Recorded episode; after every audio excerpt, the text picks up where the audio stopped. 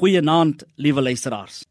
Iemand het by geleentheid gesê: "Ons moet stammelend en stotterend bely wat God se teenwoordigheid in ons lewe beteken. Ons lewe van dankbaarheid, gehoorsaamheid aan God se verbondsbepalinge spreek egter baie harder as ons woorde. In die verheerliking op die berg word die disippels vertel waarheen hulle lewens van kruis opneem en selfaflegging ter wille van Christus eintlik op pad is. Hulle word uitgedaag om nou reeds daaruit te leef te midde van lyding, ellende, gebrokenheid en so voort. Die weerliking op die berg is 'n voorskou vir die disippels om hulle te laat weet waarheen die weg van die kruis eintlik lei. Jesus se disippels word dus opgeroep om hulle self te verloon, hulle kruis op te neem en hulle lewens te verloor ter wille van Christus en die evangelie. Markus 8 vers 34 en 35. Maar lyding is nie die finale menslike ervaring nie.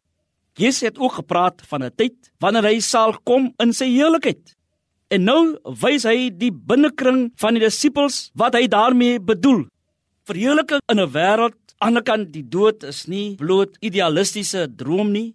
Dis ook nie naïewe hoop nie. Dit is 'n werklikheid wat deur hierdie verhaal vooruitskouend vir 'n paar oomblikke inbreek in die menslike geskiedenis sodat dit gesien en ervaar kan word. En die verhaal in Markus 9 vers 2 tot 9, die verhaal van die verheerliking op die berg, wil ook vir ons help om vanuit ons eie lewe te aanskou hoe God ons lewens wil verander. Ons lewe wil vernuwe, transformeer. Paulus skryf in 2 Korintiërs 5:17: As iemand aan Christus behoort, is hy 'n nuwe mens. Die ou is verby, die nuwe het gekom. Hy skryf ook in 2 Korintiërs 3 vers 18: Ons almal weerspieël die heerlikheid van die Here, want die sluier is van ons gesig weggeneem. Ons word meer verander om aan die beeld van Christus gelyk te word. Die heerlikheid wat van ons uitstraal, neem steeds toe. Dit doen die Here wat die Gees is.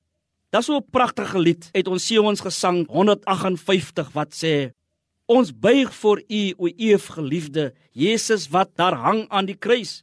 Ja, U bewys vir ons God se liefde. Sy wapen steen ons dwaase vuis, o sterke liefde, bron van vrede. Ons wil U loof met al ons lede. Amen.